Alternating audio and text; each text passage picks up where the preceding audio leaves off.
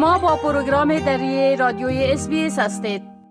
حال با جاوید روستاپور خبرنگار برنامه دری برای جنوب آسیا. به تماس هستیم که اونا طبق معمول درباره تازه ترین رویدادها و وقایع افغانستان صحبت می‌کنن. آقای روستاپور سلام عرض می کنم خب اولتر از همه گفتم میشه که نشست مخالفین طالب با با شمول شخصیت های سرشناس رژیم های سابق در ویانا تحت ریاست احمد مسعود یک مقدار عکس های را تبارز داده. بله. با سلام وقت شما بخیر. بله امان گونه که شما گفتین نشستی که در اتریش در ویانا برگزار شد. احمد مسعود رهبر جبهه مقاومت ملی و شمار زیادی از چهره های سیاسی و مقام های حکومت پیشین که تعدادشان به 41 تن می رسید در این نشست دعوت شده بودند و اشتراک کردند و اعلامیه که پس از برگزاری این نشست اعضای اشتراک کننده ارائه کردن تاکیدشان ای بود که یک کمیسیون ایجاد شود و این کمیسیون باید تلاش کند تا یک جبهه یک پارچه را علیه طالبا اینا ایجاد و تشکیل کنند و از این طریق هم بر علیه طالبا اینا جنگ خود را آغاز کنند و همچنان این کمیسیون تلاش کند که زمینه مذاکره را با طالبا هماهنگ کند تا ای که یک راهی پیدا شد که طالبان به مذاکرات تن بدهند. اما این نشست در این نشست شماری از اشتراک کننده ها از جمله رحمت الله نبیل رئیس امنیت پیشین رئیس پیشین امنیت ملی صلاح الدین ربانی رئیس حزب جمعیت افغانستان دکتر زلمه رسول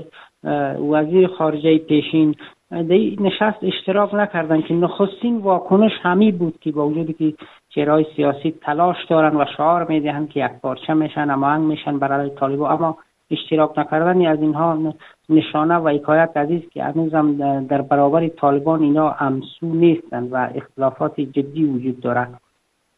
پیش از این هم شماری از چهره های مخالف طالبان در بیرون از افغانستان بر تشکیل ایز و جریانا و جبهات مختلف اینا اقدام کردند که به باور آگاهان این مسئله نشان می‌دهد که کسایی که و گروه ها و جریان هایی که ضد طالب هستن اینا میان خودم اختلاف دارن و به باور آگاهان اشتراک نکردن این چهره ها و ساختن احزاب و جریان های مخالف طالبان به گونه فراگنده تا زمانی که حل نشد یک پارچه اینا نشند یک دست نشند. کشورهای منطقه و سازمان های جهانی هم برایشان دشوار است که بتونن با اینا همسو شوند اینا را حمایت کنن تا که بر علیه طالبان یا منسجم شن چه در جبهه جنگ و چی هم در میز مذاکره بکنن که اینا بر علیه طالبان برگی برنده را در دست بگیرن و یک طالبان وادار بسازن به حکومتی که به عنوان حکومتی همه شمول خوانده می شود بله خب مردم افغانستان گفته میشه که به یک اقدام طالبا که به اساس زو از بیمارا در شفاخانه ها فیس می‌گیره. عکس های نشان داده و شکایاتی کردن. بله؟ بله نخست وزارت صحت عامه طالبان تایید کرد که اینا طرحی را ارائه کردند که پس از این در شفاخانه های دولتی در سراسر افغانستان از مراجعه کنندگان و بیماران فیس اخذ می‌کنند. هرچند در گذشته یک طرح ارائه شد که از کسانی که به شفاخانه دولتی مراجعه می‌کنند یک فیس ده افغانی اینا باید بپردازن ولی پس از چند این طرح لغو شد و بسیار مدت کمی در شماری از شفاخانه اجرایی شد. اما حالا طالبان از 50 افغانی تا 300 افغانی فیس در بخش های مختلفی که بیماران برای تداوی مراجعه می‌کنن اینا طرح یک طرح ساختن و به مسئولان شفاخانه ولایتی طرح فرستادن مردم شکایت از این دارن که در چنین وضعیت اینا پرداختی حتی ده افغانی را هم ندارند و طرحی را که ارائه کردن در چنین شرایطی غیر عملی است از طرف دیگر مردم گفتن که اگر پول داشته باشند به شفاخانه دولتی مراجعه نمی‌کنند به دلیل که شفاخانه دولتی امکانات ندارد تعداد دکتراش کم است و همین ترتیب در شفاخانه دولتی تجهیزات وجود نداره. باید میرم به شفاخانه خصوصی تا در رو بهتر تداوی شن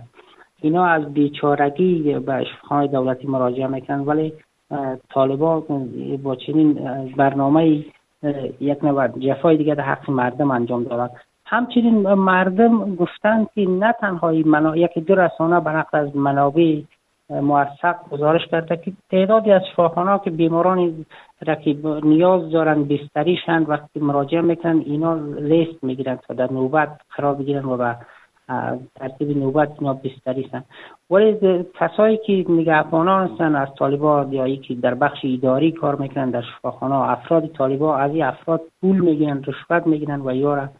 به صورت غیر قانونی یعنی به اساس نوبت نه بلکه به اساس پولی که می‌گیرن یا را بستر می‌کنن. و از طرف دیگر برخی سازمان های بین در برخی شفاخانه ها گفتن که یک مقدار دوا توضیح کرده تا به مردم دوا کمک کرده تا به مردم این دوا را توضیح کنند. ولی طالبا این دوا را در بدل پول پول بسیار اندک به دواخانه ها به فروش میرسونند و یکی به مردم دوا را توضیح کنند. این در حالی است که پس از تسلط طالبان به دست تسلط افغانستان به دست طالبان فقر و بیچارگی و بیکاری به اوج خود رسیده و بر بنیاد گزارش ها بسیاری از مردم حتی در یک شبانه روز تنها توان ایره دارن که یک وقت غذا اینا بخورن بله خب گفتم میشه که پنتاگون یا وزارت دفاع امریکا گفته که داعش قوی شده و برای حمله بر کشورهای دیگه اینا تیاری و آمادگی می‌گیرن که در مقابل ای بیانیه طالبا هم واکنش نشان داده. بله؟ بله حکومت طالبا گزارش نشر شده واشنگتن پست که در مورد اسناد سری وزارت دفاع آمریکا به اساس اسناد سری گزارش نشر شده را تکذیب کرده. در اطلاعات معرمانه وزارت دفاع آمریکا که روزنامه واشنگتن پست به او دست یافته آمده که افغانستان بار دیگه با مرکز طراحی عملات تروریستی و کشورهای غربی مبدل شده و داعش در حال برنامه ریزی در افغانستان و در راستای حمله به کشورها اما طالبا این نشر گزارش واکنش نشان داده و گفته که اسناد محرمانه جلی است و افغانستان تهدیدی برای هیچ کس و هیچ کشوری نیست. زبی الله مجاهد سخنگوی طالبا گفته که افغانستان اکنون امنترین و با امنترین کشور دنیاست و ثبات به کشور حاکم است و حکومت طالبا جلوی فساد را گرفت خودسری ها را معو ساخت و حال حاضر طالبا اجازه نمیدن که افغانستان برای کشور تعدید باشه. اما در بخش گزارش آمده که حتی طالبا گروه های دیگه تروریستی را در افغانستان جای دادن و از او حمایت می‌کنن با ویژه گروه هایی که اینا با کشورهای به برخی کشورهای همسایه افغانستان مخالفت دارن یا افراد. ولی طالبا گفتن که دسیسه است علی امارت اسلامی اینا و برخی از کشورها عقدمندانه چنین کار را می‌کنن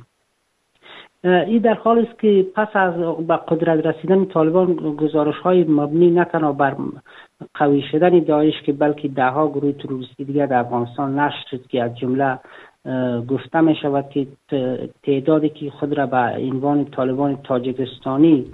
معرفی می‌کنن در شمال افغانستان در شمال شرق افغانستان یا پایگاه دارن و عملا یا اعلام موجودیت کردن بله. حتی آقان امور تاکیدشان است که اگر طالبان مخالف برخی گروه ها باشند سردست های طالبان در ولایات از این گروه ها به دلیل یمو امسو بودن و ایدولوژی بودن حمایت می‌کنن و عملا این گروه ها فعال هستند بله خب بسیار تشکر آقای روستاپور از این معلوماتتان و فعلا شما را به خدا می سپارم روزتان خوش وقت شما هم خوش خدا حافظ ناصرتان می خواهید این گونه گزارش ها را بیشتر بشنوید؟ با این گزارشات از طریق Apple Podcast، Google Podcast، Spotify و یا هر جایی که پادکاستتان را می گیرید گوش دهید.